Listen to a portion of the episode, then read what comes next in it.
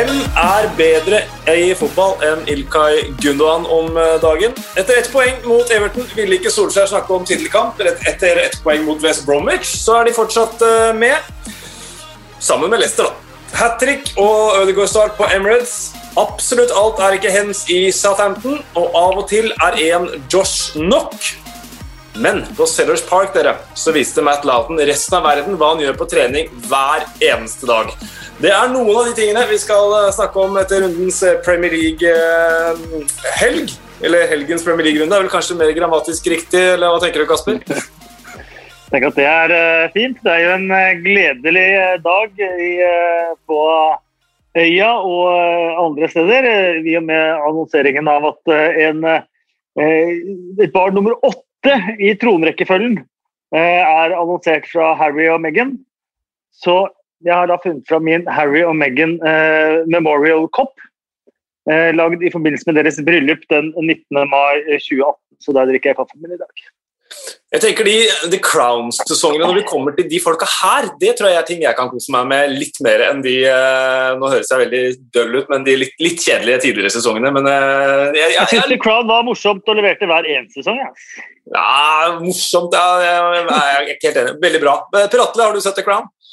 Jeg har faktisk ikke det, men jeg har jo fått med meg og Kasper har jo fortalt meg om, om den tron, nye tronarvingen som kommer nå. så nå må jeg jo jeg, må, jeg vet jeg må finne på et eller annet babyshower eller et eller annet, for det må jo selvfølgelig feires ettersom at jeg begynner å bli engelskmann. Ja, hvis jeg, ikke, hvis jeg ikke tar helt feil, så har du vel hatt litt tid, eh, tid til å se på det, Crown? Uh, ja, ja, du mener det? nei, jeg tenker sånn 700 timer med fotballmanager, eller hva det var for noe. Ja, ja nei, også, jeg har, jeg har jo tid til men jeg er fryktelig dårlig når det kommer til serier. Sånn, så jeg ser fryktelig lite TV generelt. Så, så, der må jeg kanskje steppe opp gamet litt. Så hvis noen har noen serieforslag, så er det bare å kjøre på. Så får jeg sikkert begynne med Clown, da. Ja, men du er fryktelig god på TV. Hæ? Kasper, har du spilt mye footballmanager manager i det siste, Per Atle? Ja, jeg har ja, nå, de siste par ukene så har jeg vært en liten sånn, eh, sånn down. Det er jo litt sånn, sånn kjem og går, det greiene der. Men, ja, men, det har blitt det ble en del gjennom, gjennom jula og på starten av nyåret her, og det ble det. For jeg, er også, jeg er veldig sånn periodespiller, og akkurat nå har jeg vært inne i en periode hvor jeg har spilt en del. Og jeg mm. er egentlig ganske dårlig, så Footballmanager har vært veldig realistisk for min del. Jeg har vært de laget som er forventet å havne nummer 14 eller ikke rykke opp, de har havna nummer 14 eller ikke rykka opp, stort sett. Men med Norwich nå, rykka opp første sesong, eh, ligge mellom sjette og sjuende i tre sesonger, for jeg nå har vunnet ligaen to år på rad og vant faktisk, avslutta i går kveld før jeg eh, la meg på puta, med å vinne Champions League. Slo Liverpool i eh, finalen etter ekstragang. Men Norwich er jo faktisk et eh, ekstremt artig lag å spille uh, fotballmanager med. og De har jo noen spillere sånn som ja, Max Aarons og Buendia og, og guttene der. De er jo helt de er jo klasse. Så, Definitivt. Ja, så du har jo på en måte et godt grunnlag der med en gang. Buendia fikk eh, avsluttet sin Norwich-karriere med å komme innpå Jeg fikk starte siste match da seriegullet allerede var sikra mot Tottenham. Skåra, bytta han ut etter 88. minutt. Og en 31 år gammel Bundia fikk takket av Carrow Road på en skikkelig måte. Ja, og Da satt du, da satt du sjøl og lukka øya og så for deg et Carrow Road på beina som ga en stående ovasjoner, ikke sant? En liten tåre i øyekroken der, ja, når, vi, ja, ja. når vi takket farvel med Emmy Buendia. Ja. Uh, den virtuelle fotballen den går så det griner hjemme hos uh, Kasper. Den uh, virkelige den dundrer videre i England. Før vi går ordentlig i gang, her, så vil jeg bare ta en sånn liten halvveis quiz som vi kan plukke litt opp på slutten. for Da skal vi snakke litt om Chelsea. Martin Gran han spør klarer panelet å nevne de klubbene uten å jukse som, ikke, som ikke har nåværende eller forhenværende Chelsea-spillere i troppen. Den syns jeg var litt fin. Jeg har ikke juksa, jeg har bare prøvd å tenke litt på det. Prøvd å tenke litt på det dere Skjønte dere spørsmålet? Jeg skjønte spørsmålet. Ja. Bra. ja. Bra. Da kommer vi tilbake til det litt eh, seinere. Vi begynner på Emirates.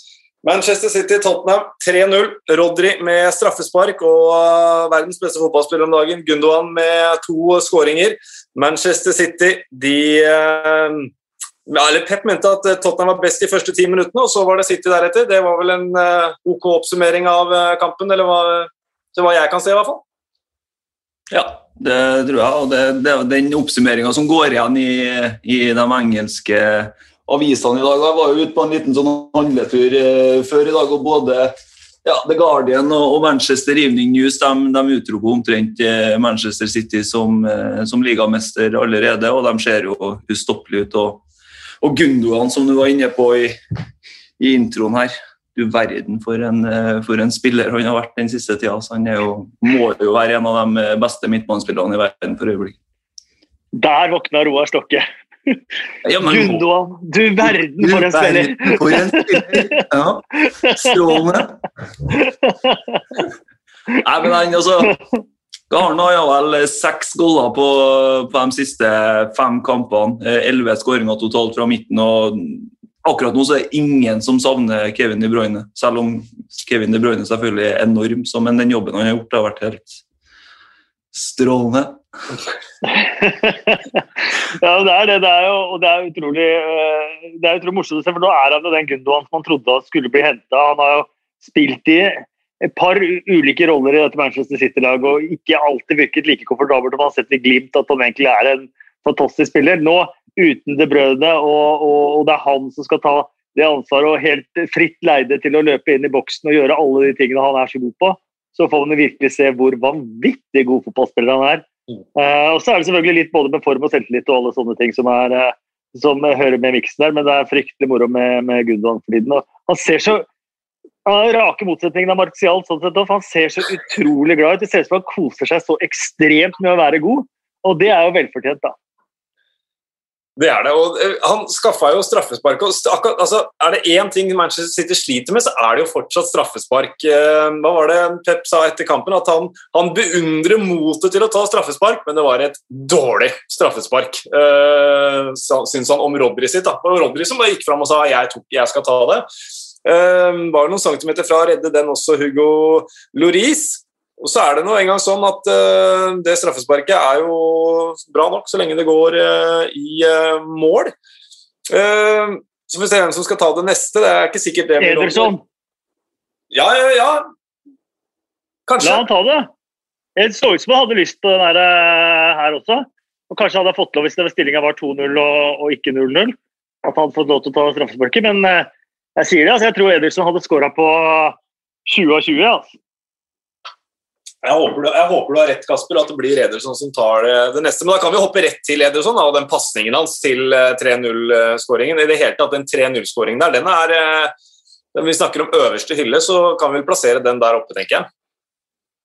Ja, det, det, altså, det tilslaget og den, eh, altså den kontrollen Ederson har med beina, det er jo ingen, ingen som er i nærheten av den i, i Premier League. Eh, man snakker ofte om, eh, om eh, at dagens keepere skal være opptre som, som, sweepers, men han er jo en, en playmaker og, og regner bak her. og han, han, kan jo klaske den ballen eh, over banen enkelt som bare det. Så nei, all ære til den, den pasningsfoten hans. Som dere var inne på, å se han ta, ta noen straffespark, det, det er ikke sikkert det har vært så dumt. Jeg kommenterte jo hans forrige målgivende pasning eh, mot eh, Huddersfield i Premier League. da Han har jo etter Champions League, òg, hvis jeg ikke tar helt feil. Det var fra femmeter, så det var enda mer imponerende. Eh, til Aguero. Men, men han, Håkon G. Grøtta skriver Gundogan versus Davidsson Sanchez på 3-0. Litt også assosiasjoner til Messi og Boateng 2015 der. Uh, jeg vet ikke om folk husker den situasjonen, men jeg personlig trekker mer assosiasjonen til Henke Larsson mot Trifan Ivanov i 94. Jeg vet ikke om dere husker den eh, i bronsefinalen hvor Trifan Ivanov kommer løpende inn fra sida og går på trynet uh, når Henke Larsson ja, samme, jeg, ser, jeg ser på blikkene deres at dere ikke er med meg på den referansen, så skal jeg ikke dra den noe lenger. Men bare, ja, for, bare for å si det sånn, Espen, i 94 så jobba jeg med å komme meg inn i verden. altså men oppfordring til deg, Per Atte. Etter når vi er ferdige her, så bare google bronsefinalen 94 og så se Trifan Ivanov komme snublende. Det er et av de morsomste øyeblikkene i fotballhistorien. i min mening. Det skal jeg gjøre. Ja. Uh, 3-0, altså. Bunn Bunnsolid. Nå har de 16 seire på rad. Jeg var litt usikker her forrige pod hvilken rekord det var, men så skjønte jeg det etter hvert at det er, da, det er rekord i antall seire på rad for et toppserielag i alle turneringer eh, mm. gjennom engelsk fotballhistorie. Forrige hadde Preston fra 1892 eller noe sånt, og så hadde Arsenal en på 80-tallet. Men det er altså ingen som, eh, som, har tatt så mange seire på rappen som det City har. Det ser helt ustoppelig ut. Selv om Tottenham var gode de første første ti minuttene. Kane hadde én i uh, stolpen, men nå har Tottenham fire tap på de siste fem. Uh, kan sesongen reddes?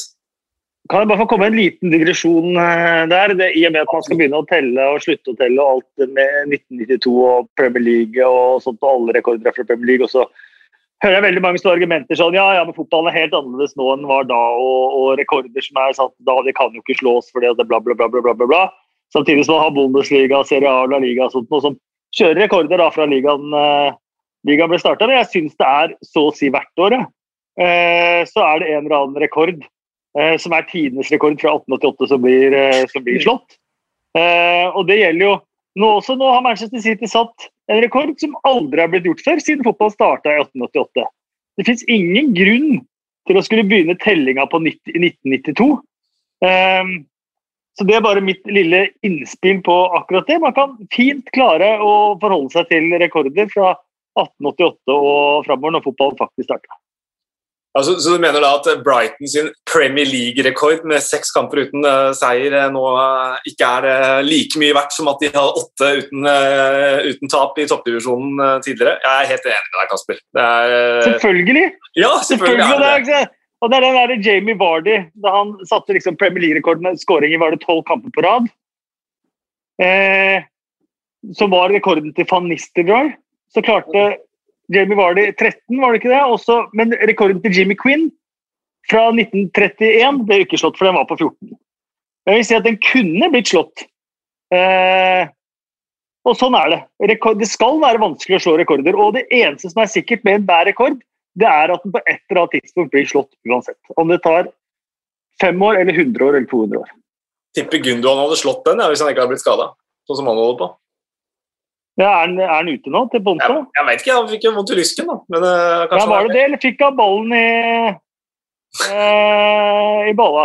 jeg vet ikke, jeg så bare at han, han holdt seg, holdt seg i, i skritteregionen, så da bare uh, tok jeg råsjanse på at det var lysk. Men jeg har ikke jeg har ikke inside info. Jeg er usikker. Ja. Bare for å svare deg på det spørsmålet ditt du egentlig spurte om, Espen. Om, ja, om Tottenham. Mens dere snakker om historie fra, fra ungdommen deres på tidlig 90-tall nei, tidlig 1900, så Tidlig 30-tall. Kan, kan Tottenham-sesongen reddes? Ja, den kan jo det. og Grunnen til det er jo for at uh, lagene foran på tabellen de, de vakler så mye, dem òg. Og den uh, sesongen her er så rar at det det er liksom, De er på niende nå, Tottenham, men de har én kamp mindre spilt enn Liverpool for eksempel, og, og fire poeng opp til dem som ligger på fjerdeplass. Så, så det, er liksom, det er så lite som skal til da, før, uh, uh, lag skift, skifter plass på, på tabellen. og ja, det er jo Southampton er jo et godt eksempel på det som vi kommer til litt uh, senere, selvfølgelig. Men ja, sesongen kan reddes, men det ser jo ikke sånn steinbra ut for øyeblikket. Nei, neste oppgaver nå er jo eh, Wolfsberg, eller Wolfsberger i Europaligaen for Tottenham og Westham eh, skvis mellom de to oppgjørene. Så, men, men helt, kanskje en, eh, Vi må snakke litt om Tottenham også. Fikk vi lite sniff av en god gammel Gareth Bale på slutten der, eller med den Dere dro bort tre mann og fikk avslutta og så litt mer på tået, eller er det bare jeg som, som klamrer meg til halmstrå om en Bale av gammelt slag? Ja, vi fikk jo en liten eh, sniff, men, eh, men for, for, meg så handler dette mye om innstillinga til Gareth Bale. og Det er det jeg tror skaper konflikten med José Mourinho. José Mourinho har jo en historie med eh, konflikter med sterke, store personligheter og, og profiler. Og, og, så hadde vi jo denne, denne veldig merkelige situasjonen hvor José Mourinho snakket om at Eh, han ikke har trent eh, bra, så derfor har han ikke troppen før Everton-kampen. Og så la han ut samtidig på sosiale medier at eh, 'great training'. Så, og, og José Mourinho han, han, adresserte dette på pressekonferansen og sa at det antakeligvis er medieteamet til Gareth Bale som, som hadde lagt ut den posten. For han hadde ikke god trening. Han ba om å få en skann og var ikke klar. Så. Og med, med Bale så har vi sett uansett om han har eh, spilt lite eller spilt mye eller ikke spilt eller bare spilt golf, så har han jo levert for Wales hver eneste gang. For Wales har han jo vært supermotivert. Eh, så det har på en måte hatt veldig lite å si, både kamptrening og alt annet, den, eh, det han har levert for Wales. Og så Og det tror jeg er litt sånn greia nå, da, eh, i Tottenham. Hvis han eh, har kommet inn der og så surfa på ett skjær inn og ett skjær ut, liksom, så leverer han det vi har sett han har levert til nå. Men hvis han nå er eh, kommet dit til at han er motivert for å, for å vise seg skikkelig fram, eh, så tror jeg kanskje at man kan få se en litt annen Gareth Bale. Jeg håper, jeg håper, det. Det hadde vært, eh, vært, veldig gøy. Kanskje får vi første muligheten uh, i en kamp uh, vi helt sikkert sender på en eller annen plattform. Det er Europa League, så vi skal i, skal i, gang. Om det er Sport 1, 2, 3, Premium eller Sumo, har jeg ikke helt oversikten. Men du ser i hvert fall Wolfsberg mot Tottenham på, um, på en, en TV 2-kanal nær deg. Eh, på King Power Stadium så endte det 3-1 til Leicester etter at Sala sendte Liverpool i ledelsen. To eh, ville minutter. Madison var de snudde det, og så har vi Barnes punkterte det til slutt. Kan starte med, med Jürgen Klopp og Liverpool, som ja, sa vel egentlig at han syntes de var gode lenge og hadde fortjent å vinne, men Altså, sesong, eh, på King Power Stadium forrige sesong så ble den på mange måter definerende og var et høy, høydepunkt. og Der og da så, så vant de tittelen. og Denne sesongen så er vel altså, Om det skulle være noe tvil, så er det en feid til side nå. Det blir ikke noe tittelforsvar på, på Liverpool. Nei. Må jo si at uh, det var uh, det var Cojones, han journalisten på pressekonferansen, som, uh, som spurte gjennom ligatittelen liga til Jørgen Klopp. Uh, jeg hadde nok ikke trekket i det loddet og sagt at det, det spørsmålet skal jeg stille. Så, men igjen da skal du si hvor duste journalister er og, og hvor teite spørsmål de stiller. og sånt nå. Svaret på det spørsmålet ga jo alle overskriftene i alle mediene etterpå. Mm.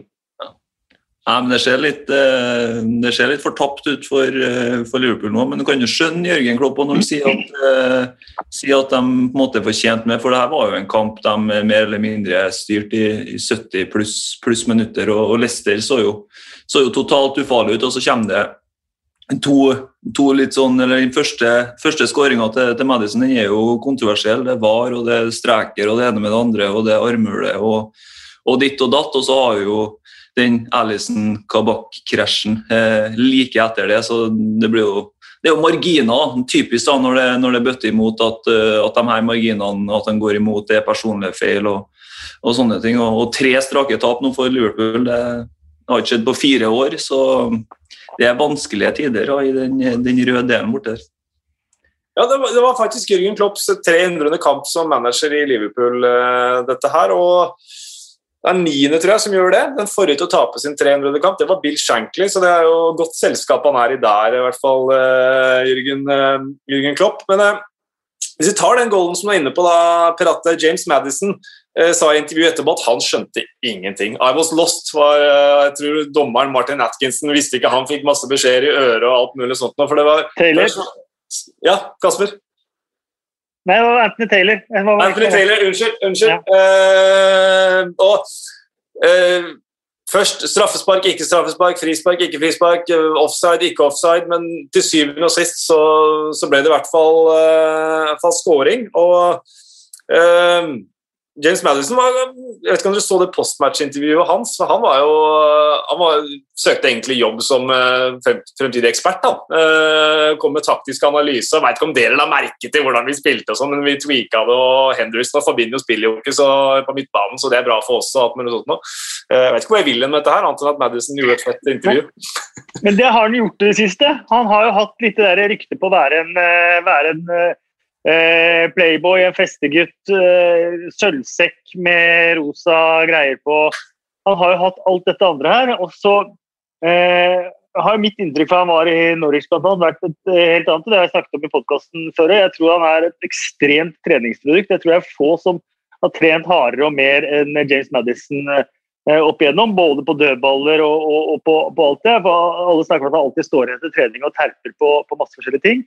Og nå er han i tillegg de siste par-tre kampene levert noen voldsomt gode postmatch-intervjuer. Nesten mm. ikke helt oppe på Michael Antonio-nivå, selvfølgelig, men, uh, men oppe og nikker.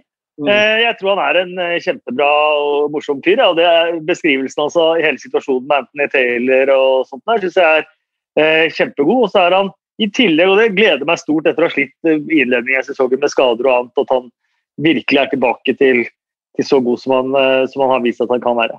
Mm.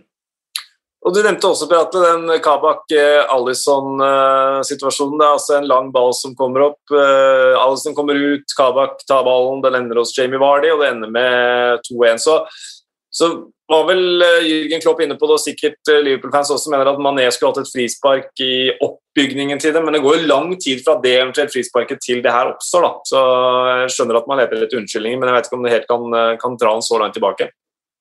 Nei, altså Man kan jo man finner jo situasjoner hele veien hvis man, hvis man leter, men akkurat der så handler det om at, at, Liverpool gjør en feil. Det er en fryktelig dårlig kommunikasjon mellom eh, Kabak og, og Alison. Eh, og så er det jo en litt sånn utakknemlig oppgave for eh, Kabak òg å få debuten for et lag som sliter, sånn som Liverpool gjør om dagen. Det er ikke enkelt å skal komme inn og, og snu det.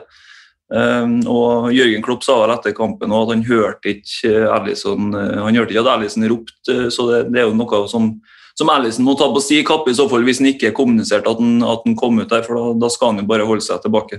Så om, om Mané ble felt eller ikke, det, det man, man, kan ikke sitte og dra tilbake så langt, for det ble ikke blest på den situasjonen. altså Da må man ta, ta neste situasjon, og den håndterte Liverpool dessverre dårlig for, for sin del. Salah han skåra sitt 23. mål. Da er han oppe i like mange som han hadde hele forrige sesong. så Det er i hvert fall en positiv ting. og Det var jo en ellevill assist da, fra Roberto Firmino. Den, eh, den, er, den er, det går an å kose seg med selv på en tung dag, vil jeg si. Det er noe annet som, noe som Ja, Jeg har lyst til å si det. altså Eh, det er mye snakk om Liverpool sine skader, og de er masse, men altså, man skal ikke glemme at Leicester kom til den kampen her uten Kastanje, uten Fofana, uten James Justin, så de, de hadde jo skadeproblemer, de også. Og, og sa vel Solskjær, som vi kommer til etter hvert, at opp til Leicester og, og, Manchester United å gi Manchester City en fight. Det spørsmålet jeg tror jeg har stilt mange ganger i den poden her, men Leicester er jo, er jo der oppe, så de må jo regnes, de også. Ja, om ikke til å vinne ligaen. Eh, jeg er enig med de i Manchester Evening News her, på Per at, eh, at det, det, Dessverre, altså, vi snakket om det på podkast tidligere, at det virker, det virker kjørt når jeg syns det er morsomt når det er spennende når det er mange lag med. Og, og I en periode så var jo ligaen i år utrolig morsom, hvor du hadde bare noen få poeng som skilte en sju, åtte, ni, ti lag. Mm. Eh, nå er Manchester City i ferd med å stikke av, men at i eh, hvert fall etter det som skjedde forrige sesong, så synes jeg Leicester mange måter har fortjent å klare topp fire og, og, få være med i Champions League igjen. Det var kvartfinale mot Atletico sist gang de var med i Champions League. Eh, og ikke bare det, men de, de på en måte rocka noe ordentlig ved de etablerte storklubbene. Og alle disse her, eh, Europa de her eh, ligaene, breakaway-ligaene som det snakkes om med, eh, med laget europeisk superliga og sånt noe. Mye av det starta da Leicester vant ligaen og var med i Champions League. og Plutselig ble det helt panikk hos Manchester-klubben og Liverpool. og og Arsenal, Tottenham alle, at bare her skal Leicester være med i Champions League, ikke oss. Det må vi stoppe. Mm. Uh, og det er liksom Så, så jeg syns det er kjempekult at et lag som uh, Leicester uh, er der oppe og, og, og, gjør de store, eller såkalte big six, og andre klubber kanskje i Europa også, ordentlig ukomfortable. Mm. Med en snusende og Red Bull-drikkende, ganske gammel, rask fyr på topp. Men han bremser jo, han bremser jo overhodet ikke. Han bare fortsetter, han. Bare fortsetter. Bare for å ta med en gladmelding til, til Liverpool-supporterne, så var jeg ute og kjøpte Liverpool Echo i dag. Som er lokalavisa i Liverpool. Og på framsida her så er det et uh, bilde av uh, van Dijk. Som er tilbake, på, tilbake på Mercyside etter et uh, rehabiliteringsopphold i, i, Dubai. Og i hvert fall ifølge Liverpool Echo da, så, så er progresjonen hans eh, rekordgod. Og de ser liksom ikke bort fra at han kan, kan komme tilbake i, løpet av sesongen. Nå sier ikke jeg at, uh, at Liverpool-supporterne skal holde pusten, for da tror jeg det kan bli lite luft etter hvert. Men er et, det er håp i hengende snøre, som man sier i Trøndelag. Så det er i hvert fall en, en liten positiv nyhet.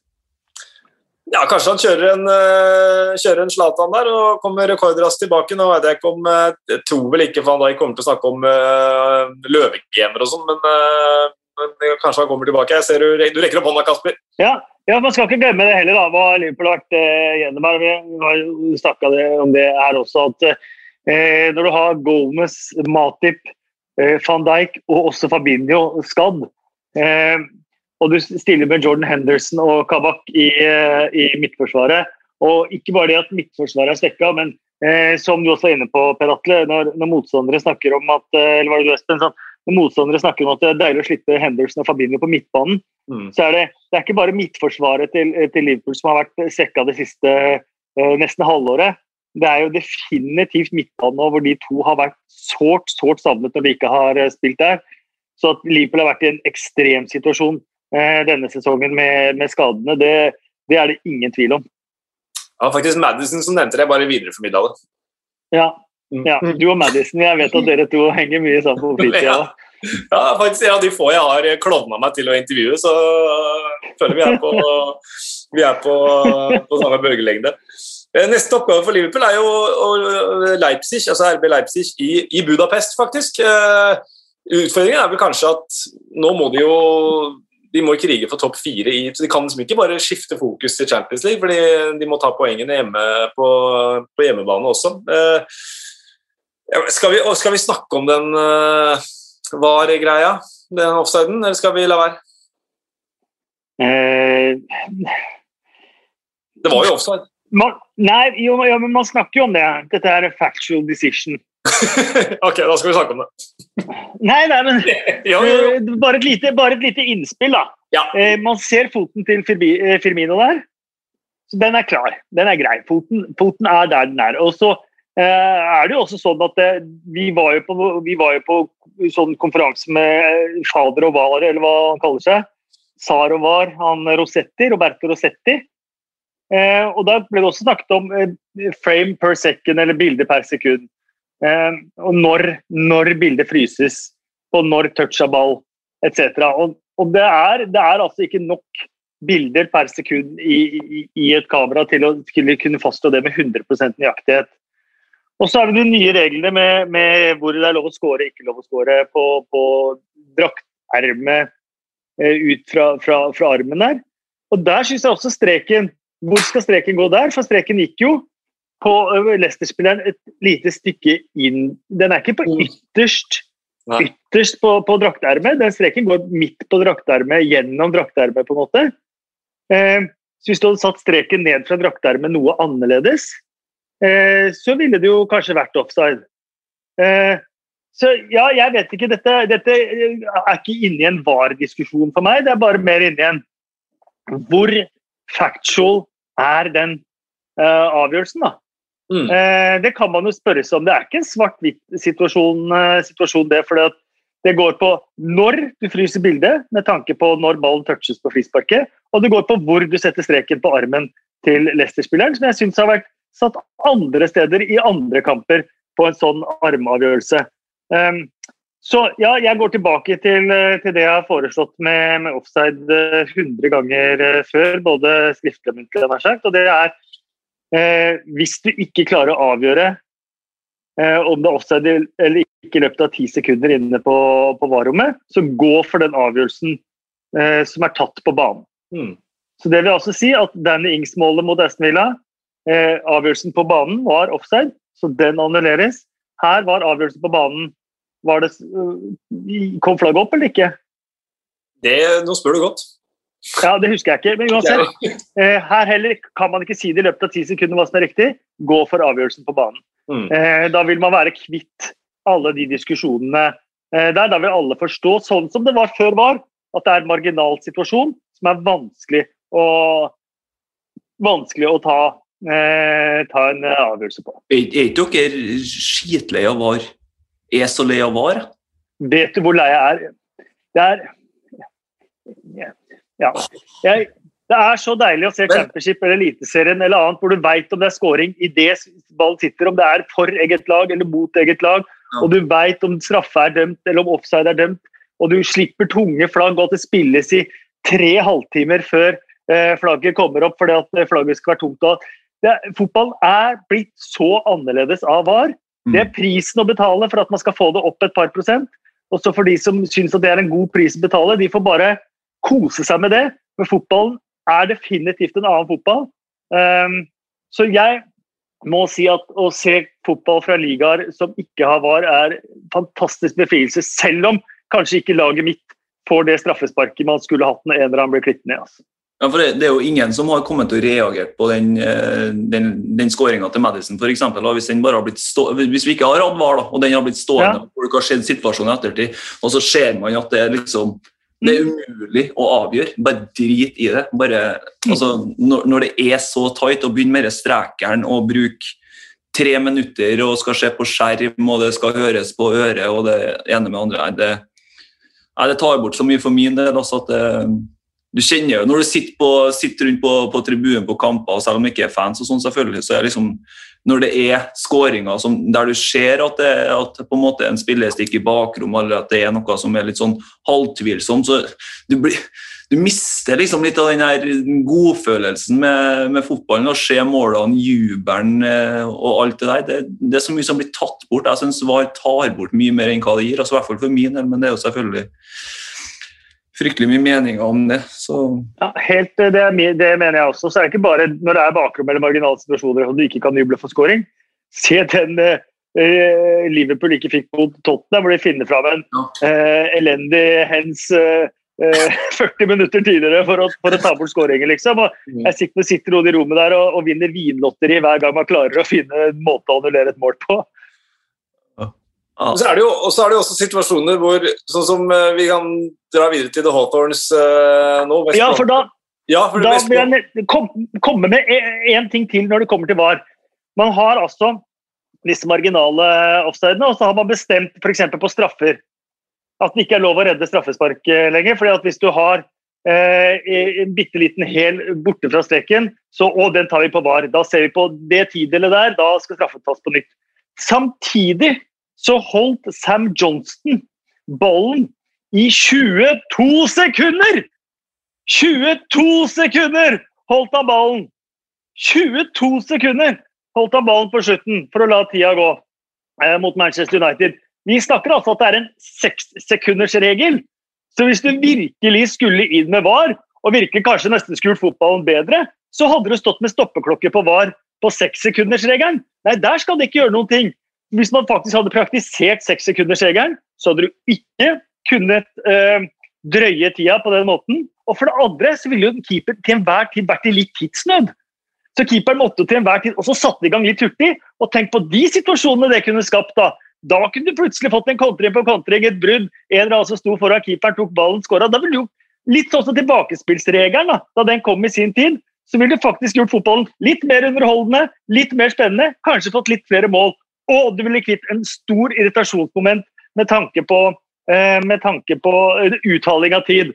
Så der hvis, hvis, jeg skulle valgt mellom at man eh, tok den der hælen opp fra streken på straffespark og så på VAR, og sekssekundersregelen og så på VAR, så ville jeg definitivt valgt at de fokuserte på sekssekundersregelen. Det hadde vært mye mye morsommere, og det tror jeg, det faktisk, det tror jeg faktisk kunne vært morsomt for fotballen nå. Ja, god observasjon, da. Jeg slo meg ikke engang. Det var Kanskje han drøyde tida så mye at det ikke slo meg at han holdt den i hånda. At jeg bare 22 sekunder! Hva gir det meg? Du satt med stoppeklokke! Du starta klokka du idet han plukka opp ballen. Nei, men det er jo Mignolet ble, ble, ble dømt med den to ganger, vet jeg. Blant annet en mot Bordeaux var holdt i 18-20 sekunder. Thomas Myhre mot Spania ble jo dømt, men det er veldig sjelden det blir dømt på. Mm. Eh, men, men, når det begynner å nærme over 22, nei, over 20 sekunder, da begynner folk å reagere. Eh, så 22 sekunder, og la 22 sekunder gå Ja. Og så skal du liksom pirke på om hælen er borte på en straffespark! men det jeg skulle si, da, var eh, den straffesituasjonen med Harry Maguire som, Det er som Solskjær sier etterpå, det er noen som må sove på det varme, for det var jo offside. Uh, soleklar offside. Kjempesoleklar offside, og da sitter man, i dette tilfellet meg, som uh, kommentator og lurer på okay, hvorfor ser de ikke på det, men så vet jo aldri hva de ser på. Jeg husker det var en tidligere kamp her også, Joakim Andersen mot Newcastle, uh, hvor han ble utvist. Jeg ble oppheva seinere fordi han tok fra en klar målsjanse, men han felte en på utsida. Altså, det er så mye sånn du vet ikke hva de ser på. og Det, det var jo den der situasjonen hvor van Dijk ble skada også. Nei, De så ikke på den taklinga, de satte på offsiden. Nå så de ikke på offsiden, de satt så på straffesparket. Og sender Craig Pawson bort til den monitoren for å se på en situasjon som er død! Altså, ja, ok. Det er jo hjelp. Noen trenger hjelp. Uh, jeg syns faktisk intervjuet med Solskjær etterpå jeg synes han var spot on. liksom. Ja. Det er helt riktig å adressere det og si at dette er ræva. Det er offside, så bare si at det er offside, ferdig situasjonen, istedenfor å fly fram og tilbake til skjermen og masse greier. Så... Det, det, det, som er jo etter, etter, etter VAR nå, så linjedommerne bryr seg De sitter med offside. De vinker jo ikke ja. før det har gått et kvarter og de har fått sju meldinger på øret om at det er offside. Så vinker de, men da har, gjerne, har man gjerne spilt i 30-40 sekunder til. Så det, det, er jo en observasjon jeg gjør ofte på kampene, at uh, spillerne blir jo forbanna på det. For de spiller jo lenge etter at uh, situasjonen egentlig burde vært, uh, vært avblåst. Men, men linjedommerne venter jo så brutalt med å, med å, å dra opp det flagget. Så nei, uff. Man blir ikke, man blir ikke klok på det opplegget her. Altså. Det tror jeg aldri man blir. Men det ble 1-1 i hvert fall på The Hawthorns. Uh, Diagne det, der har vi fått et sånt navn som jeg syns er fryktelig vanskelig. Jeg kan ikke noe for det. Derfor er jeg helt sånn navndysleksi. Uh, Dianje, Dianje var utrolig vanskelig å si det navnet, jeg skjønner ikke hvorfor, men uh, uansett. Uh, eh, 1-0 etter 83 sekunder, og så Bruno Fernandes med en uh, ja, Zidane-esk avslutning til 1-1. Skulle ønske jeg var så god at jeg tok det live i kommentering, men det slo meg ikke før etterpå. sånn er nå det. Men den 1-0-skåringen ble litt eh, debattert. Eh, der de lærde strides. I uh, vårt studio, PL-studioet vårt så var man veldig klar på at det var frispark. Jeg så Ian Wright på BBC mente at Dianje kriga seg foran, og det var, var greit. Maguire selvfølgelig mente det var frispark. jeg vet ikke om vi skal bruke så mye tid på det, for målet ble jo stående uansett. hvis ikke noen av dere har noen sterke meninger? Nei, jeg er ikke noe sterke meninger. Jeg bare syns at Dian virker som en uh, veldig veldig bra signering for West Bromwich. Og hvis, jeg tror ikke det er noe håp for de tre nederste lagene, men hvis det skal være noe håp for West Bromwich, så er det uh, den signeringa samt et veldig tilgivende kampprogram framover, hvor han får stort sett en uke mellom hver kamp og Allardyce. Og det betyr jo at Allardyce endelig også får en uke mellom uh, hver kamp på treningsfeltet til å terpe det defensive som han er god på, og kanskje Dianje da kan skape noe på egen hånd av skåringer. Hvis det finnes håp for Bromwich, så tror jeg det ligger i, de to faktorene. Ja, og Jo Kuslu, han var god, altså. han uh, nye Milivojevicen til Allardyce syns han var god. Ja. Den timen han orka, så var han god. Uh, tyrkeren de henta fra Celta Vigo. For uh, Manchester Uniteds del så var jo det her da Bruno Fernandes 38. målinvolvering på 38 kamper, bare for å få litt uh, stats inn uh, her også. Så frustrert ut til tider, og var jo egentlig bare drittsint når han skåra det målet. det synes jeg, så det er jo markert ut av matchen. Ja, men det er litt gøy når man er sånn, sånn, sånn sinnaskåring. Ikke sånn Martial surpumpskåring, men sånn sinnaskåring, det er gøy.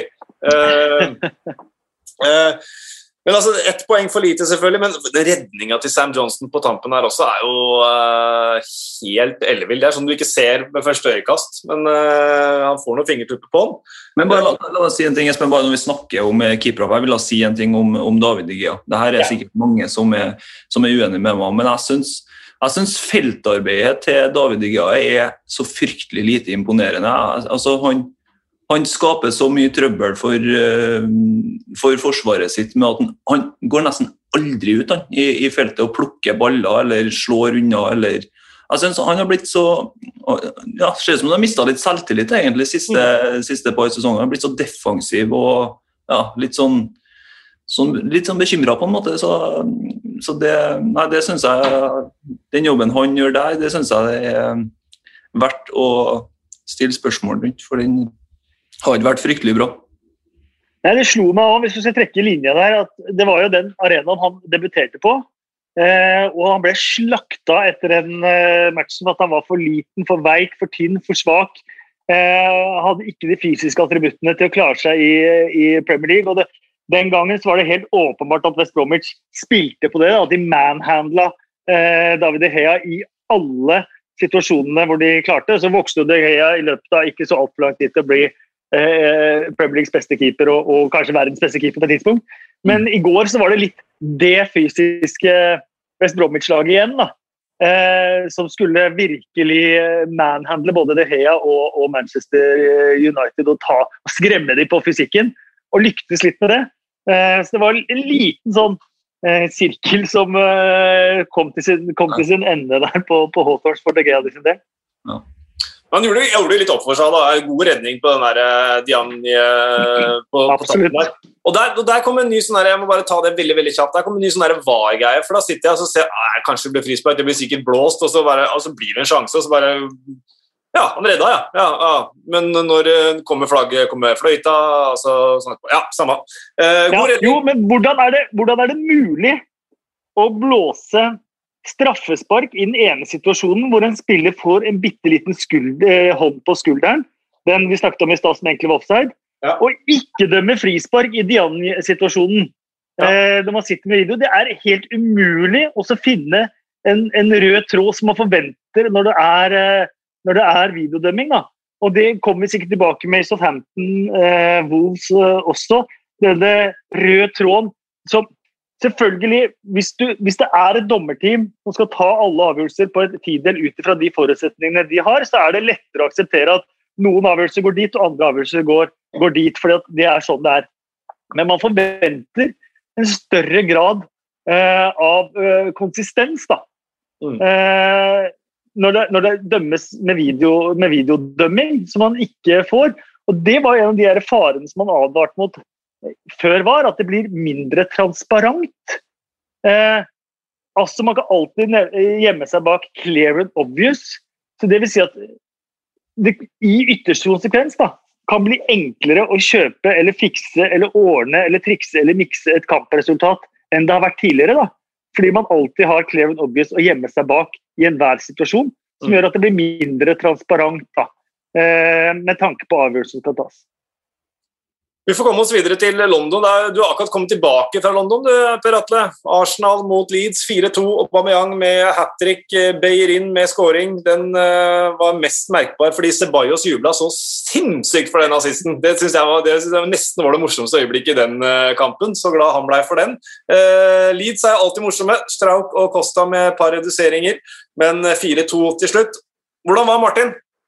Ja, Martin jeg syns, han klarte seg greit. Altså, han, eh, han gjør ikke seg bort på, på noe vis. og han, han, viser litt av det som bor i seg, med, med noen frekke detaljer. og, og setter opp eh, lagkameratene i, i, gode posisjoner. og Så jobber han jo, jo steinhardt. Så jeg syns, eh, jeg syns Martin klarte seg meget bra. og så er det som du sier, fryktelig artig synes jeg, å sitte og se på Daniel Ceballos når han slår den assisten. Eh, Eh, til Beirin som, som, en juve. Jeg syns det er så deilig når spillere viser følelser på, på den måten der.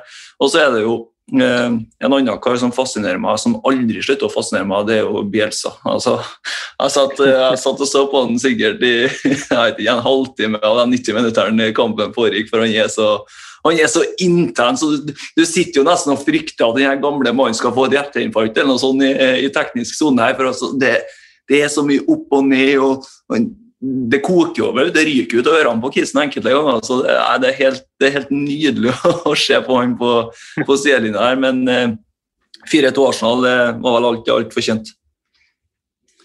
Så er det jo morsomt at han eh, sier faktisk i intervjuet etter kamp at uh, Arteta forberedte laget sitt bedre enn jeg klarte å forberede laget mitt. Mm.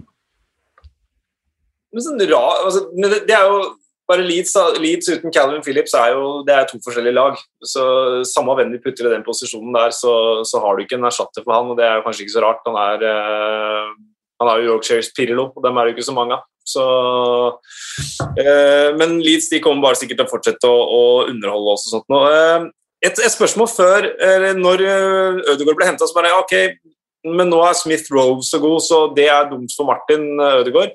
Men de spilte jo bra sammen, de. Så det, det kan jo bli en blomstrende partnerskap, det også.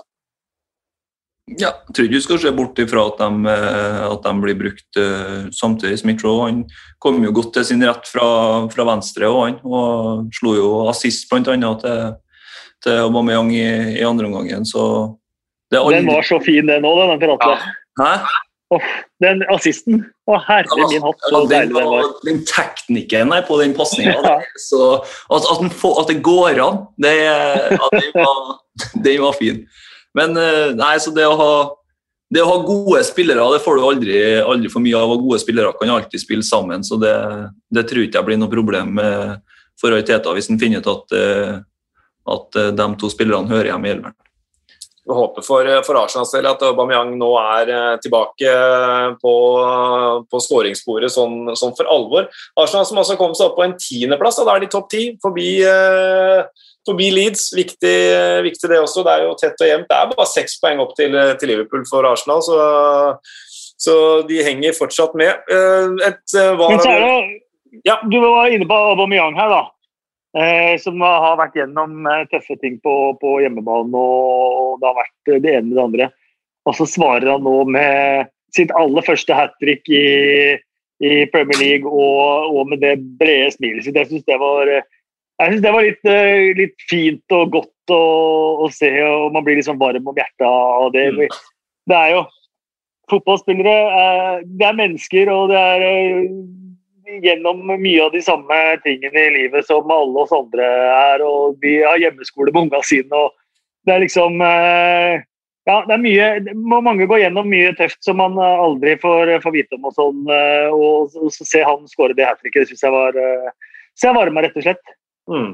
Jeg er helt enig. Det var, det var et par varesituasjoner der, og Saka som sitt straffespark som ikke ble straffespark, og Bamford som kanskje kunne hatt et uh, straffespark. Så vi kunne sikkert tatt en halvtime til på VAR fra den kampen her òg, men jeg tror vi dropper det. Uh, fordi jeg tror folk er drittlei av å høre meg prate om det. så nå lover jeg at uh, neste podkast nå, skal jeg ikke nevne det mer, selv om vi kommer til Nei, Det går ikke, det går ikke å ikke nevne det, for nå skal vi til St. Mary's. Uh, ja. er, jeg skal ikke snakke om det, dere får snakke om det. Ja, ja, alt er ikke hens.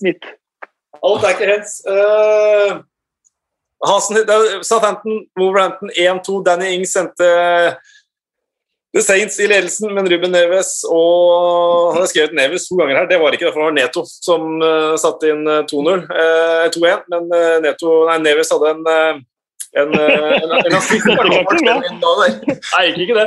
Det er, veldig, det er portugisere begge to, da, i det minste. Ja.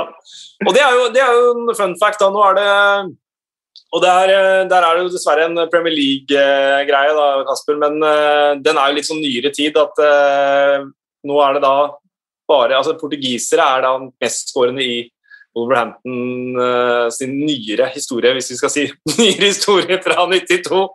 Men, Nei, for Steve Bull han leverte aldri noe for Wolverhampton. Ingenting! Steve Bull han er parentes i den klubbens historie. Ingenting. Det er klart. Andy Mutch, kast den på dynga! Når alt, kommer, si. når alt, kommer, til alt, så er det Helder Costa de husker i Wolverhampton. Ikke tenk på det. Uh, men,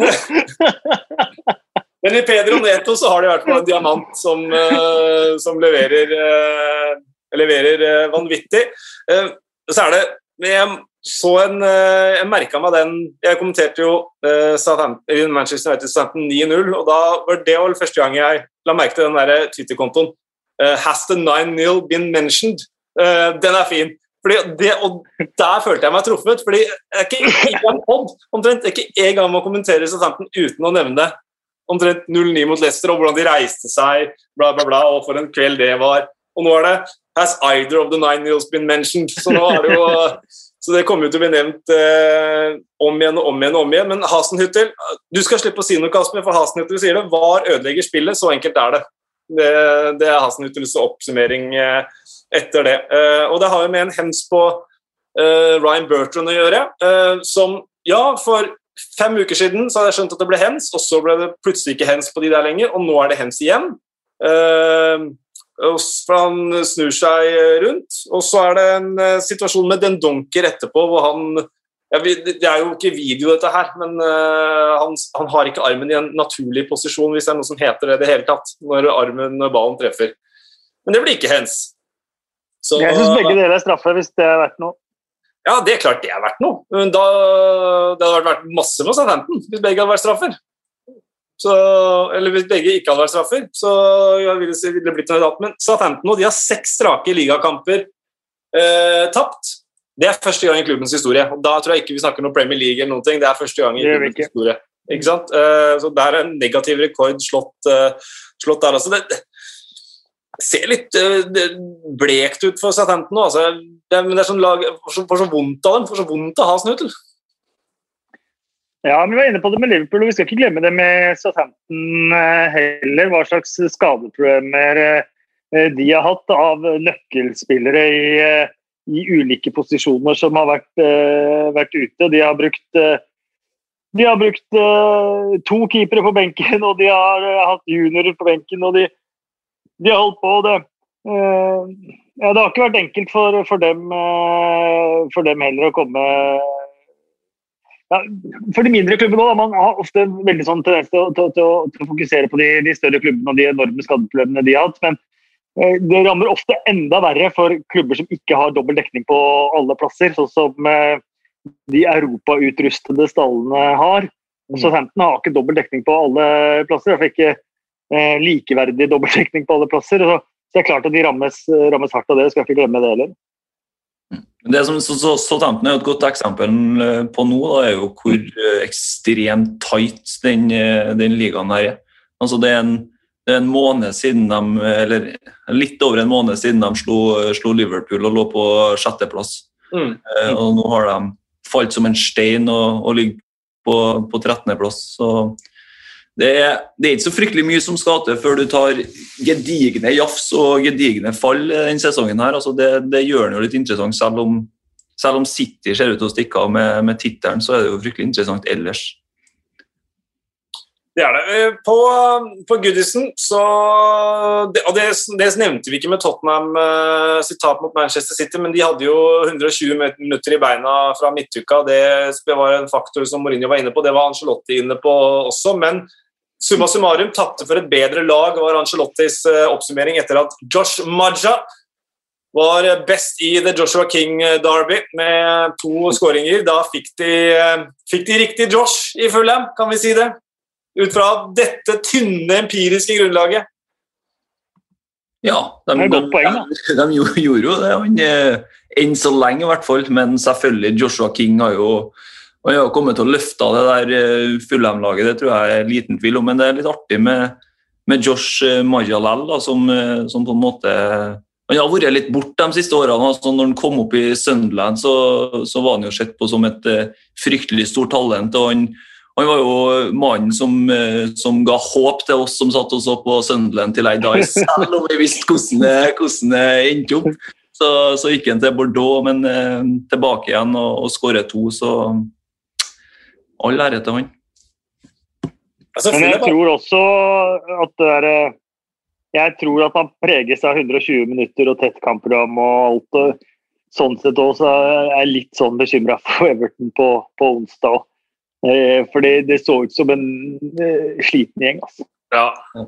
Da er det Manchester City som venter. Eh, med eller uten Gundogan så blir nok det tøft. Men ta med at eh, det var nok en eh, milepæl som ble brutt denne helga. Fulham de vant sin første ligakamp noensinne de på Goodison Park. 28 ganger har de prøvd tidligere, og aldri vunnet. Og nå vinner de eh, denne kampen her.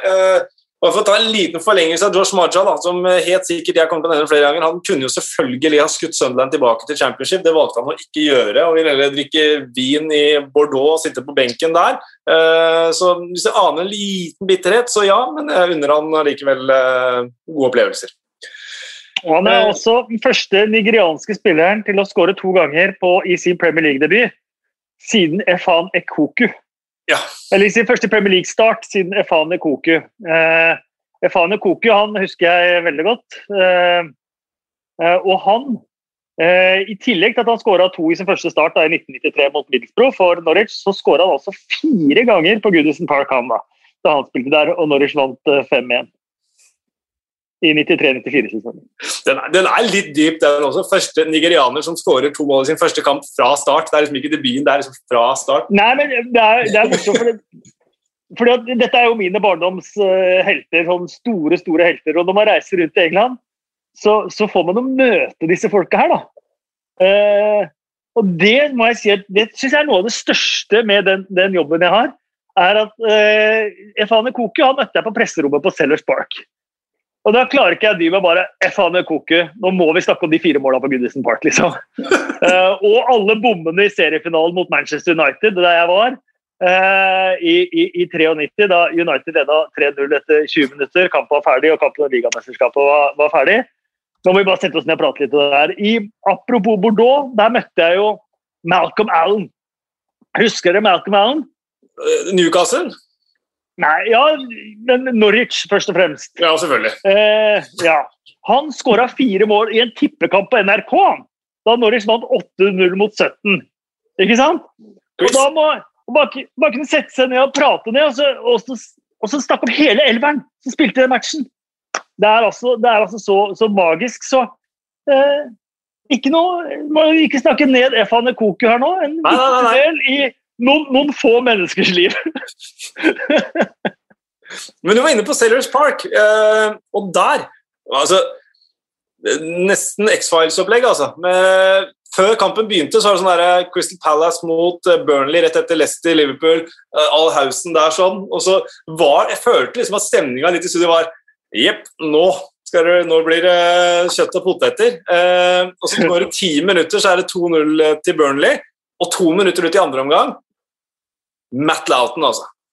For en goal. Jeg våger påstanden at det er sesongens scoring i Premier League så langt. Det er min uh, mening. Men det er sikkert jeg er, uh, akkurat nå er jeg personlig investert, for jeg var så imponert og syntes Loughton var så god og alt var, var så bra. Uh, og Det er sikkert skåringer som er bedre, men jeg kommer ikke på noen akkurat nå. Måten han måkte ned Patrick van Anholt på Åh, Det er det beste med hele goalen! Det er det beste med hele goalen! Og fantastisk at både assistentdommer og dommer la den gå.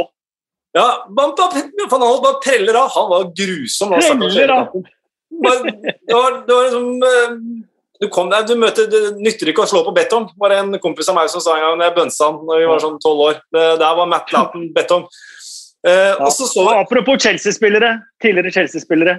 Crystal Palace er da ikke en av de klubbene. Nei, det er ikke en av de uh, klubbene. her, for der, der har van Anholt vært, ja. Um, men jeg vet ikke om du så reaksjonene til medspillerne til Matt Loughton. Det var sånn, alt var, det var bare sånn derre det, her, det her er helt unormalt. Og så er Jay Rodriguez iskald etterpå. Ja, vi ser han gjør det der på trening hver dag. Hvis vi var ikke overraska i det hele tatt. Ehm, men han skåra et mål for åtte år siden også. Det var ikke så gærent, det heller. Ehm, det visste På Britannia? Ja, helt vanvittig, den også. Så han har det faktisk i verktøykassa. Det, det må jeg si. Jeg, jeg husker godt, og vi har sett det på dødballer og alt, at han har jo et vanvittig tilslag. Ja. Uh, har utrolig rent treff på, på, på, ballen, stort sett. Det har vært andre ting som har vært problem for han, og mange for Aston Villa de par grusomme sesongene de hadde. var mange som ble avskilta der. Det var både Albrighton, Loughton, Westwood, mm. flere spillere som som eh, på en måte da det gikk litt nedover med, med Aston Villa, som, som, på en måte var med på den nedturen ganske hardt. da. Og Lauten var en av de. Mm. Men uansett, altså, vanvittig imponerende Burnley-seier. Crystal Palace de ser eh, blytunge ut, men det gjorde de også vant til plutselig to kamper igjen også. Så sitter det som en følelse at det, det styrer styrer greit inn. og de, vel, de, har vel nesten gjort sin beste Premier League-start sånn etter 24 kamper eller noe sånn poeng, poengmessig, så de, de, de holder godt uh, følge likevel. Den siste kampen hvis ikke det Men ja, bare Helt til slutt av den, så er det første gang jeg leser nå rundt omkring at ganske mange begynner så smått å stille spørsmål ved Roy Hodgsons eh, fremtid. da. Mm. Eh, og jeg ser nå at Eddie Howe nevnes eh, hyppigere som en mulig arvtaker på, på Sellers eh, Park. For Hodgson har sittet i klokketrygt, han. Han har gjort akkurat det han skal gjøre med Crystal Palace hver eneste sesong. Tok jo over etter tidenes dårligste start med, med, med Frank de Boer der. Og har steady the ship og gjort alt eh, riktig. Eh, men nå, nå, er det første gang jeg ser at det snakkes ganske sånn ordentlig om at kanskje tiden er, er over. Ja, men der er også skade, skadeproblemer. da, vi om med Southampton. Altså, de, de, har et uh, lag ute omtrent, uh, Crystal Palace. Mm, uh, og, og Wilfried Saha ute. Det, man skal ikke være så avhengig av én spiller, men det ser større klubber enn Palace som er avhengig av én spiller. En, ja, har de tapt 18 av 20 uten Saha eller et eller annet sjukt? Ja, ja, det er noe sånn ja, 18 av 20, ja. Jeg tror det er det. Uh, og ikke scora i 16 av dem, eller et eller annet sånt. Så det er, Ja, ja. det er så grimt, da, uten Zaha. Selv med Eze som ny uh, kronprins, så, så går det ikke uten uh, kongen av Serious Park, altså.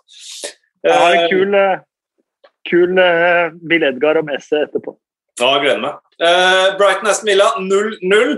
Uh, Emi Martinez, banens bestemann, dritgod. Uh, noen som har noe mer de vil si om den kampen? Ja, altså Brighton er jo i, i ganske bra, bra slag om dagen, og at eh, Emi Martinez eh, banens beste er jo godt nytt, godt nytt eh, for dem. Ikke tapt på, på seks kamper og ser kanskje ut som de er i ferd med å få en ny Premier League-sesong. Det er selvfølgelig lenge igjen ennå, men de tre nederste lagene ser jo litt sånn halvveis døde og begrava ut. Så, Mm. så tommel opp for Brighton. Og tenk at Martinez var reservekeeper i Arsenal. Andre, tredje, fjerde keeper i Arsenal i åtte år! Ja. Åtte år var det ingen som tenkte at du, han, Emi Martinez Hva om vi bare sjekker om han er en ok keeper? da? De, de gjorde det da. Først da Ledo ble skadd, og så var han Arsenals beste mann fram til sesongen var ferdig. Og så dro han til Aston Villa og kanskje vært Premier Leagues beste keeper denne sesongen. Ja. Men åtte år var han på utlån til Reading og hit og dit, og aldri noen som tenkte at han kunne være bra. Tolv ganger har han hatt nullen nå. Det er mest. Ja. Så vidt det er kanskje ikke mest av Ederson. Etter Ederson. Etter Ederson, ja, det glemmer jo Ederson. Han er jo mest sviper og straffesparkskytter. Um, Ja. Nei, Nei. det er, eh, det, er, det, er, det, er, er rart. Eh, Jeg vet ikke om han har utvikla seg ekstremt siste året. Det kan jo hende at han har vært helt eh, Jeg så det litt for Redding og sånn, uten at det, eh, jeg satte store utropstegn bak, bak navnet hans der, men eh, helt vanvittig. Og antageligvis, eh, Nå har ikke jeg helt full oversikt over argentinske landslagskeepere, men jeg kan ikke skjønne at det er så mange som er bedre enn han nå, så jeg må vel være Det er sant. Godt poeng. Han er ikke bedre Caballero. Nei, antageligvis ikke bedre enn Romero heller. Jo da, selvfølgelig er han det. Eh, Er, det var jeg spurte på Twitter, det et godt spørsmål. Er Romero neste reservekeeperen som blir førstekeeper et annet sted og kommer til å dominere som liksom en fantastisk keeper? Ja, det kan han godt være. Men var det, var det noen som skulle ha keeper i januar nå? Det blir jo en eh, søk ting å prate om, for så vidt. Men jeg var overraska over at han ikke dro noe sted, egentlig. Eh, Romero. Gazaniga dro jo til Elche, så fikk vi nevnt det òg, av en eller annen uh, malapropos grunn. På argentinske keepere som eh, har vært i fryseboksen. Vi får ta noen faste spalter vi nå, tenker jeg. Det var moro å se på. Morata var kjempegod. Hva i all verden? Er. Han snakka ikke om seg sjæl, han snakka om dommeren.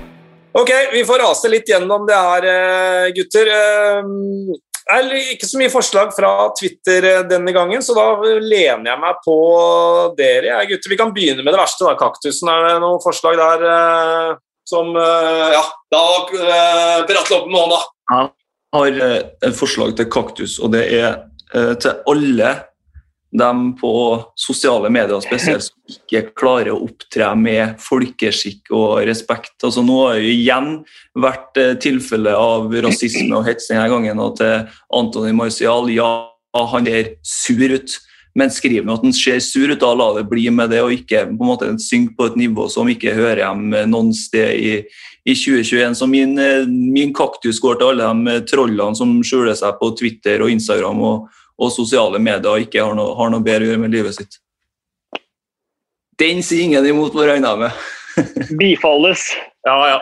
Tiltredelse og bifalles og alt mulig. Helt enig. Og det viser jo bare markeringen før avspark hvor uh, høyaktuell og viktig den fortsatt, uh, fortsatt er. Så den, uh, den, er, uh, den er klink, Per Atle. Hva med altså, Jeg kommer nok til å bruke vetoretten min på at Matt Loughton skal ha et eller annet her. Eh, men eh, hvilken av dem, det skal jeg, jeg, skal jeg vurdere ut fra hva jeg hører av forslag her. Ja. Øyeblikka. Ederson eh, har jeg. Assist Ja. Ja, jeg kan støtte, støtte. Nei, da, ja, da, det blir et langt øyeblikk, da. Men uh, da må vi nesten ha med driblinga og Davinson Sanchez som prøver å redde med hodet og alt det greiene der. Og så er et langt øyeblikk, så, så, så er jeg helt uh, enig i den. Det hørtes ut som du også var enig i, Beate. Ja, det er helt, helt greit for meg. Jeg hadde faktisk ikke funnet ut helt eh, hvor jeg skulle sette øyeblikket mitt ennå, så, så jeg støtter Edersen. Men hvis du vil ha Lauten på øyeblikk, da, så, så er jeg med på det ennå. Jeg er med på alt det, rett og slett. akkurat her. Jeg er ganske, jeg er ganske god sånn sett. Hva med, hva med blomsten, da?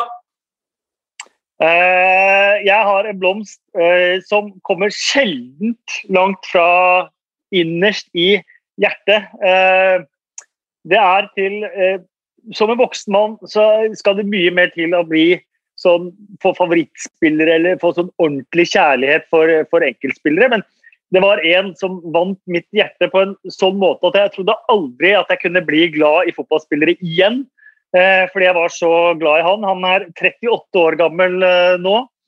Eh, jeg var på Stade France og kommenterte i EM i 2016 når Zlatan Ibrahimovic alle snakket om Zlatan Ibrahimovics retur til Paris, og det var det store. Og på presserommet var det Zlatan hit og Zlatan dit. Og jeg sa til både mine svenske kolleger og andre at Zlatan er Zlatan, eh, men denne dagen den handler om en helt annen. Den handler om Wessie.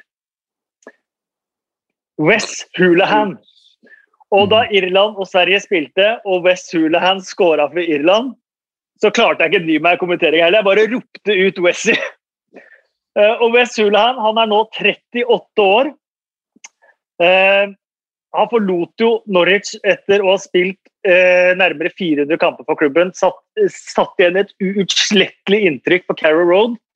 Nå er han i Cambridge, som ikke er så langt unna Norwich. Cambridge topper league 2. West Hulahan han herjer. Man skulle tro han var 23 år. Den bitte lille teknikeren ble kåra til månedens spiller i league 2. Eh, og er i ferd altså med å playmake Cambridge opp i League One. Eh, flott klubb, Cambridge. Eh, vært der og sett imot Northampton. Supert stadion. stadion flott sånn local community-klubb. Eh, og med West Hulahan i rolle nummer, eh, nummer ti der, så ja, det er nesten så man er frista til å bytte klubb med, med han. Wessie er Wessie, og han kommer alltid til å være Wessie. For uh, ja, det, det, er mulig å se når han skal legge opp. 38 år og League 2s beste beste spiller for League 2s beste lag. Så han får min blomst i dag. han får din uh, blomst. og det er jo det er, det er, en veldig fin historie, og i og med at det er Cambridge, så er det jo nesten fristende å spørre om det, har, om det er av akademisk interesse for andre. og, og, og ja, den er fin, den, eh, fin den, eh, Kasper. Har du noen blomster, eller, Per Atle? Uh, ja, jeg kommer ikke overgå inn blomsten der, da, men uh, siden at jeg var på Emirates, da, så ville jeg gi en blomst til uh, Marcelo Bielsa rett og slett for overlegen lårmuskulatur. Som Så han får, han får min blomst, blomst i dag. Men så så jeg også at det er eh, en del eh, som har eh, På en, en litt annen ende av skalaen, en, en, en trøstende blomst retning Jürgen Klopp, som, som, ikke kunne være i sin mors begravelse. Syns også den, den er, er passende, selv om den er på en annen Det blir litt for seriøst og alvorlig for meg. Ja, jeg vet det, men ja, Det er liksom din oppgave når du er programleder, Kasper. Da må du gjøre det. Så nå må jeg, jeg ta den tunge, tunge børen det er, og, og, ta det tilbake til det. Men uh, jeg syns det i hvert fall fortjener en uh, ja. å, å, nevnes. at uh, skal ikke glemme at, som du sa i stad, at fotballspillerne er mennesker med sine liv. De også, det er også managerne. og Det, er, det har nok vært en tøff tid for Klopp på banen og, og, og, på privaten. Men da er i hvert fall den ukjente helten Matt Loughton. Det, det er altså i Litt konkurranse med Harrison Reed, greit, men Matt Loughton får den her. Han var jo best på banen nå, vet du. Så toppa alle statistikker, var, eh, var helt uh, vill. Uh, så da fikk vi avgjort det. Uh, vi skal videre til neste spalte, som er Bill Edgar, og den har du kontroll på, Kasper. Arsenals syv siste. Aldri skjedd! Første gang siden er den sjette spilleren. Fun factsene til Bill Edgar. Eh, Bill Eggar er altså da statistikkmannen i The Times.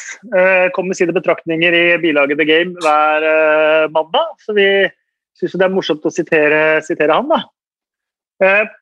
På de siste 122 sesongene har de fire lengste seierssekvensene kommet siden starten av den 119. sesongen. Man City 18 og 15 seire på rad, Liverpool 18 og 17. Og nå har også den nye rekorden for alle turneringer kommet med Manchester Citys 16. Manchester City har ligget under én eneste gang på sine 23 siste kamper. Noen som kommer på mot hvem? Altså, jeg har ligget under West Bromwich, kanskje? Nei, men. Leicester? Leicester? Altså, ligget under og snudd, eller ligget under i kampen? Ja, på sine 23 siste kamper. Det er bare mot Cheltenham. Ja, ja, selvfølgelig. Ja, ja. Sånn, ja. ja. Mhm. Eh, De siste tolv månedene har Manchester City sluppet inn flere mål på hjemmebane i andreomgangen mot Leicester enn i de 18 andre ligakampene på hjemmebane til sammen. Og de siste 11 hjemmekampene er selvmålet mot West Bromwich det eneste. Eh, Tottenham røyk i FA-cupen til tross for at de skåret minst fire mål i hver runde. 5-0 mot Marine, 4-1 mot Wickham og 4-5 mot Everton. Det har kun skjedd med toppdivisjonslag to ganger tidligere, begge gangene med Aston Villa, som ble slått ut mot eh, Darwin 4-5 i 1893 og mot Manchester United 4-6 i 1848. Og For de som har sett den Netflix-serien, så har de kanskje et lite forhold til Darwin. Har dere sett den, eller? Nei. Det er fotballens historievarianten? Nei? Nei, den derre The Game eller Football Game eller hva det er for Ja, ja, The Game, ja. Mm. Ja. Nei. Den handler jo om Darwin. Det har faktisk skjedd. Ja, Det var litt kjedelig. Kjedelig man skulle tro. Ja, Eh, Manchester Uniteds 9-0 mot Southampton er deres eneste seier med mer enn ett mål på de 15 siste kampene. Og det er faktisk en tangering av Wolverhampton i 1938, som slo Leicester 10-1 i samme 15-kampersrekke. Mm. Og så har du eh, Southampton er første lag siden Sheffield United i 1898-99-sesongen til å tape mot samme lag som de har slått ut av FA-cupen i kampen etter to ganger. Southampton slo Arsenal 1-0, men tapte ligakampen mot dem kampen etter, etter å ha skåret først. Så slo de ut Wolverhampton i FA-cupen, men i kampen etter tapte de mot samme lag etter å ha skåret først. Eh, Så eh, Vet dere hva et palindrom er? Nei. Nei. Er det noe sånn derre Agnes, Agnes i senga er et palindrom, for det er Å, Agnes ja. I senga begge veier. ah, ja. Eh, ja. Otto er et palindrom. For det er Otto begge veier. mm. Eh, så Liverpools debutant, eh, Ozan Kabak, Crystal Palace Esse og Wolverhamptons Johnny Otto. Det er den første trio av palindromer, eller palindrom-etternavn, eh, som har spilt i øverste divisjonen samme helg siden januar 1896. Da spilte nemlig Davy Hannah for Liverpool, Jimmy Hannah for Sunderland og Gardner Hannah for Blackburn. Den er ikke verst. Nei, den er dyp. Den er så dyp. Eh, at Liverpool skårer først borte i andre omgang, og så slipper inn tre i løpet av syv minutter, det har faktisk skjedd før.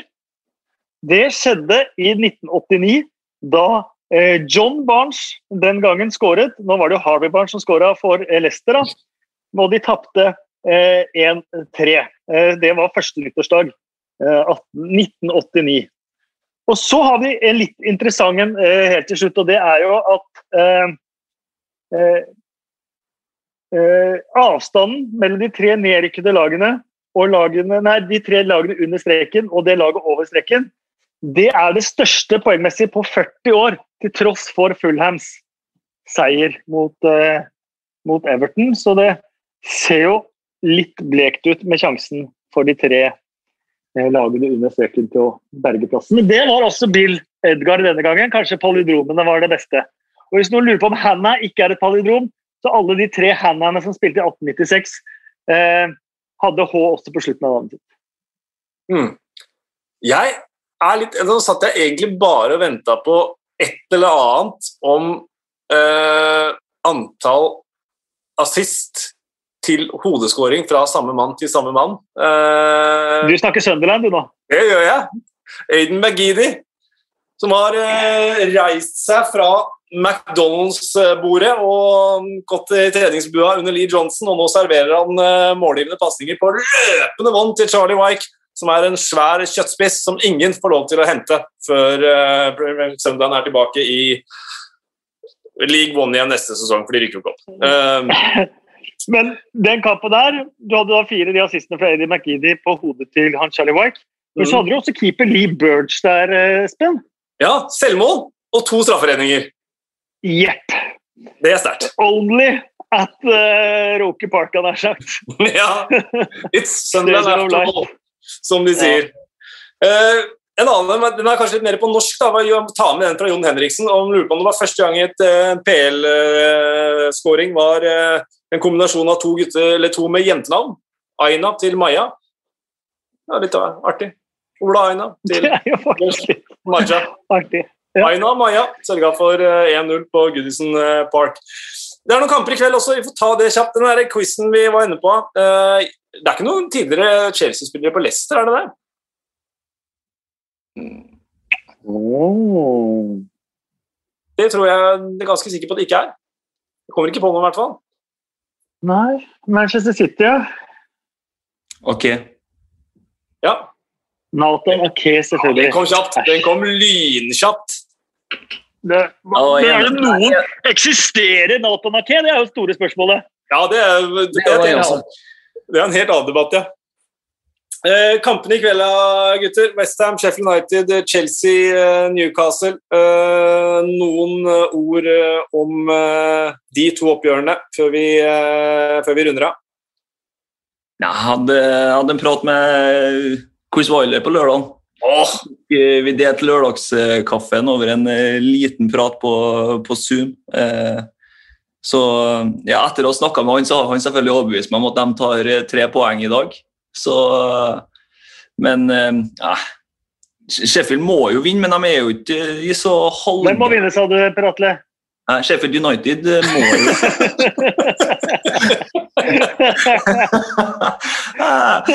vet, jeg hadde, i, når jeg satt og prata med en eh, på lørdag, så hadde jeg jo eh, notert ned noen, noe spørsmål, og alle gangene Sheffield United var en del av spørsmålet, så har jeg også skrevet United i caps.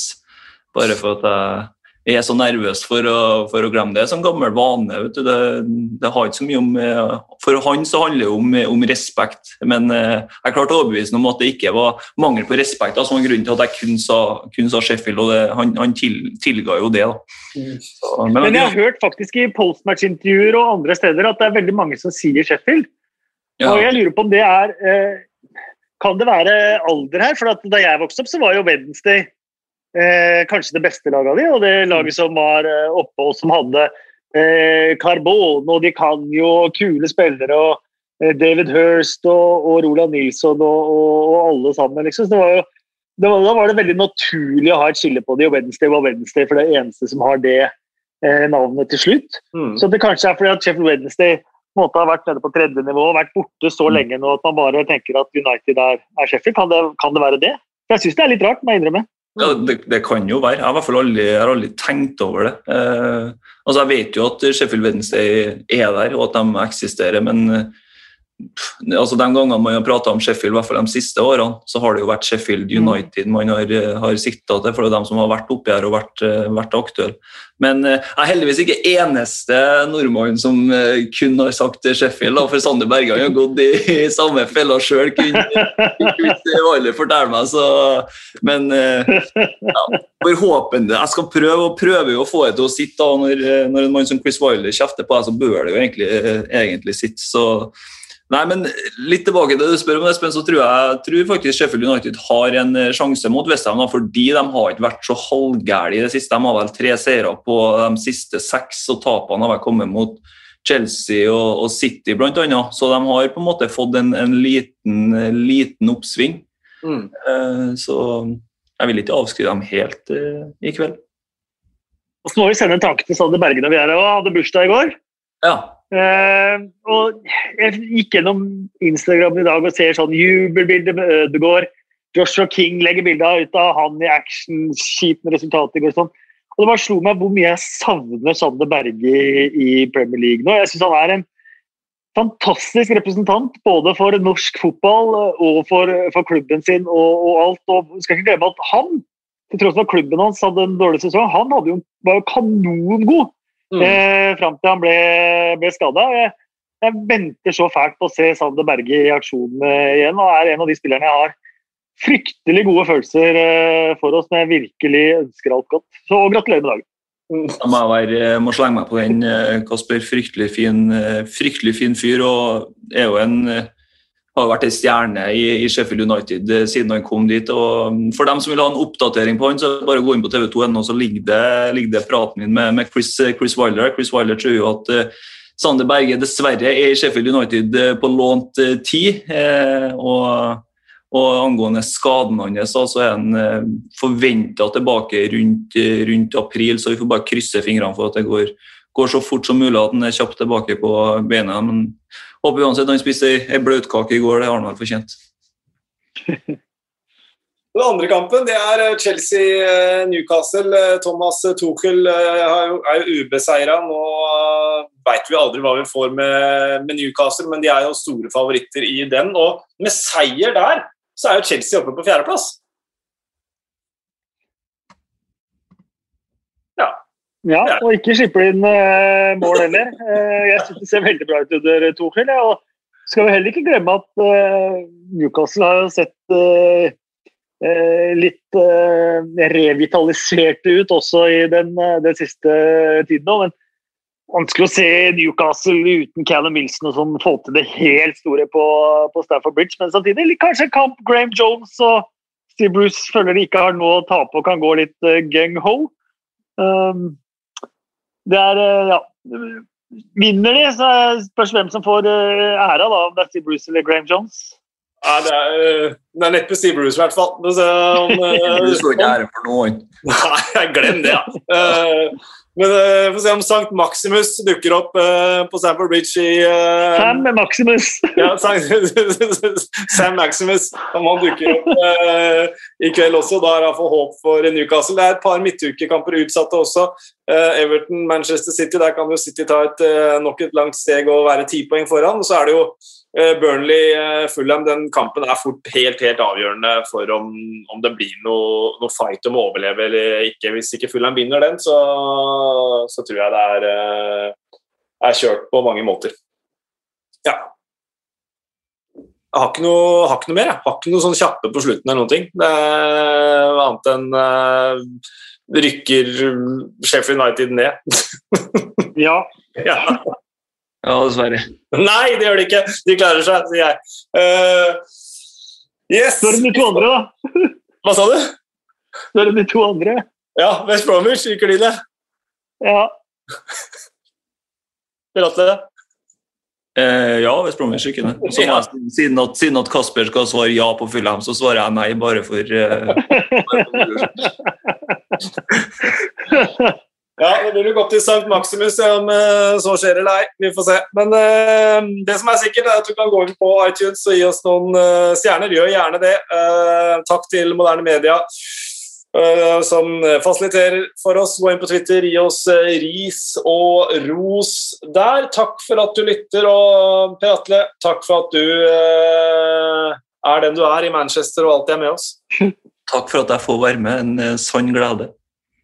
og Kasper, alltid en uh, glede. Og, det er alltid litt sånn ærefrykt også når man eh, lever en podkast eh, og har gudfaren i Podkasten har tatt to steg opp, den etter at jeg nei, nei, nei, nei, Og det er ikke faen, det er, Nei, det er uh, fake news og ikke falsk beskjedenhet. Det har den ikke, men vi, vi holder, holder Trond, og jeg håper å ha deg med igjen veldig snart, Kasper.